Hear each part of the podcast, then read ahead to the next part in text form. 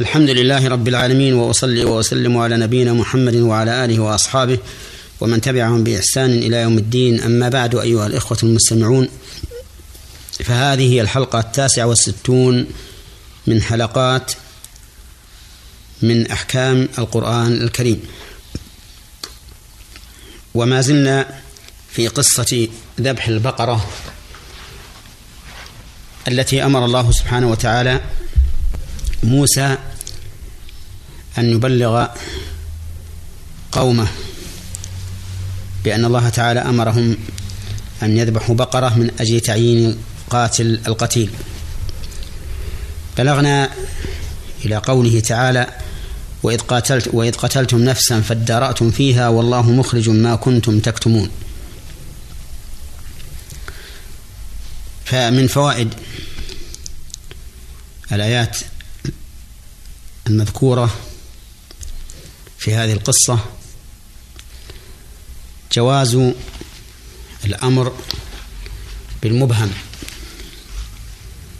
إذا كان يمكن امتثاله لقوله تعالى فقل نضربوه ببعضها فإن البعض يتناول أي جزء من أجزائها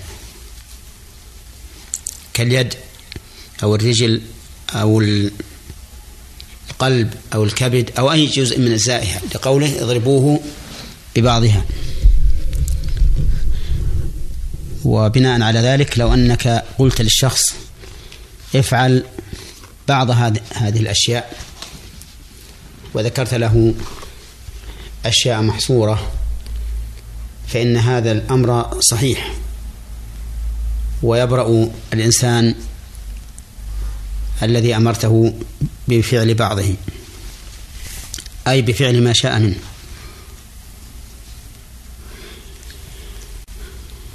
أما إذا كان هذا الإبهام لا يمكن تحقيقه فإن الواجب الاستفصال. ولهذا لما قال الله تعالى للقلم اكتب قال ربي وماذا أكتب؟ قال اكتب ما هو كائن إلى يوم القيامة. فكتب القلم ما هو كائن إلى يوم القيامة وذلك قبل أن يخلق الله السماوات والأرض بخمسين ألف سنة.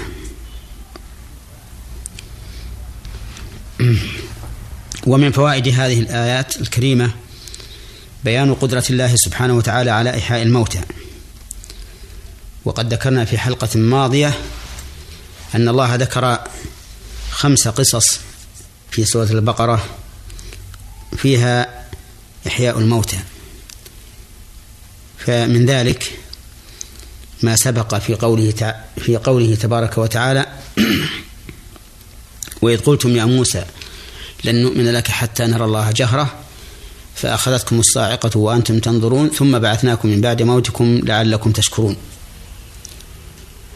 ومنها هذه القصة قصة القتيل الذي اختلف بنو إسرائيل في قاتله. ومنها قصة القوم الذين خرجوا من ديارهم وهم ألوف حذر الموت فقال لهم الله موتوا ثم أحياهم. ومنها قصة الرجل الذي مر على قرية وهي خاوية على عروشها قال أن يحيي هذه الله بعد موتها فأماته الله مئة عام ثم بعثه. والخامسة قصة إبراهيم حين قال رب أرني كيف تحيي الموتى؟ قال أولم تؤمن؟ قال بلى ولكن ليطمئن قلبي. قال فخذ أربعة من الطير فصرهن إليك ثم اجعل على كل جبل منهن جزءا ثم ادعهن يأتينك سعيا واعلم أن الله عزيز حكيم. والله سبحانه وتعالى قادر على إحياء الموتى كلهم بكلمة واحدة. كما قال الله تعالى فإنما هي زجرة واحدة فإذا هم بالساهرة. ومن فوائد هذه الآية الكريمة هذه الآيات الكريمة أن الله سبحانه وتعالى أرى عباده من آياته ما يكون به العقل والرشد لقوله تعالى كذلك يريكم آيات كذلك يحيي الله الموتى ويريكم آياته لعلكم تعقلون. وآيات الله سبحانه وتعالى تنقسم إلى قسمين. آيات كونية وآيات شرعية.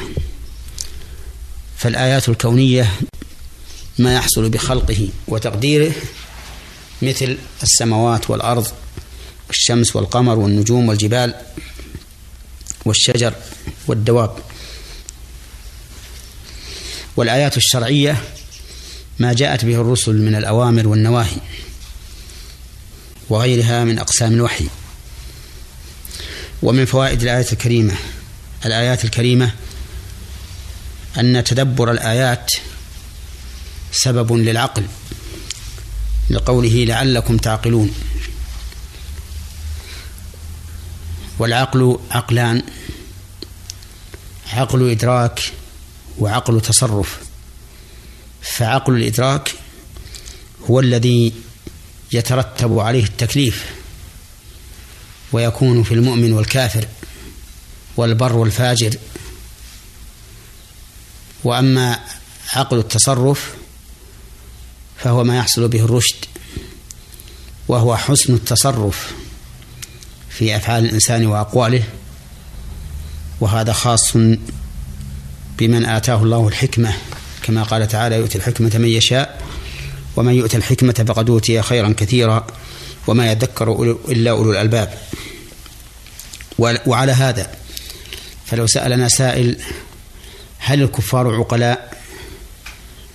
فالجواب أن نقول هم عقلاء من حيث عقل الإدراك الذي يترتب عليه التكليف وليسوا عقلاء من حيث عقل التصرف الذي يحصل به الرشد.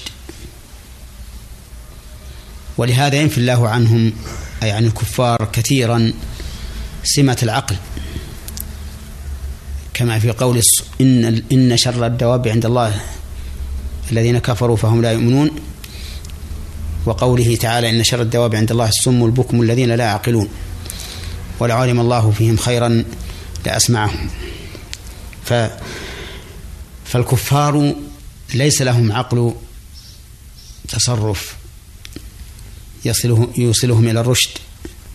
وإن كان عندهم عقل إدراك يترتب عليه التكليف والمؤاخذة. ومن فوائد هذه الآيات الكريمة إثبات الأسباب في قوله لعلكم تعقلون وقد تقدم الكلام في حلقة ماضية على ذكر اختلاف الناس في الأسباب وبينا أن القول الوسط أن القول الوسط هو إثبات إثبات تأثير الأسباب لكن لا بذاتها ولكن بما أودع الله فيها من القوة التي تؤثر في المسببات. ومن فوائد هذه الآيات الكريمات أن بني إسرائيل بعد هذا كله قست قلوبهم ولم يزدادوا بهذه الآيات والنعم لينا للحق. وقبولا له ولكنهم قست قلوبهم من بعد ذلك. ومن فوائدها أي فوائد هذه الآيات الكريمات التحذير مما جرى لبني إسرائيل من قسوة القلوب بعد أن نرى الآيات التي يرينا الله إياها.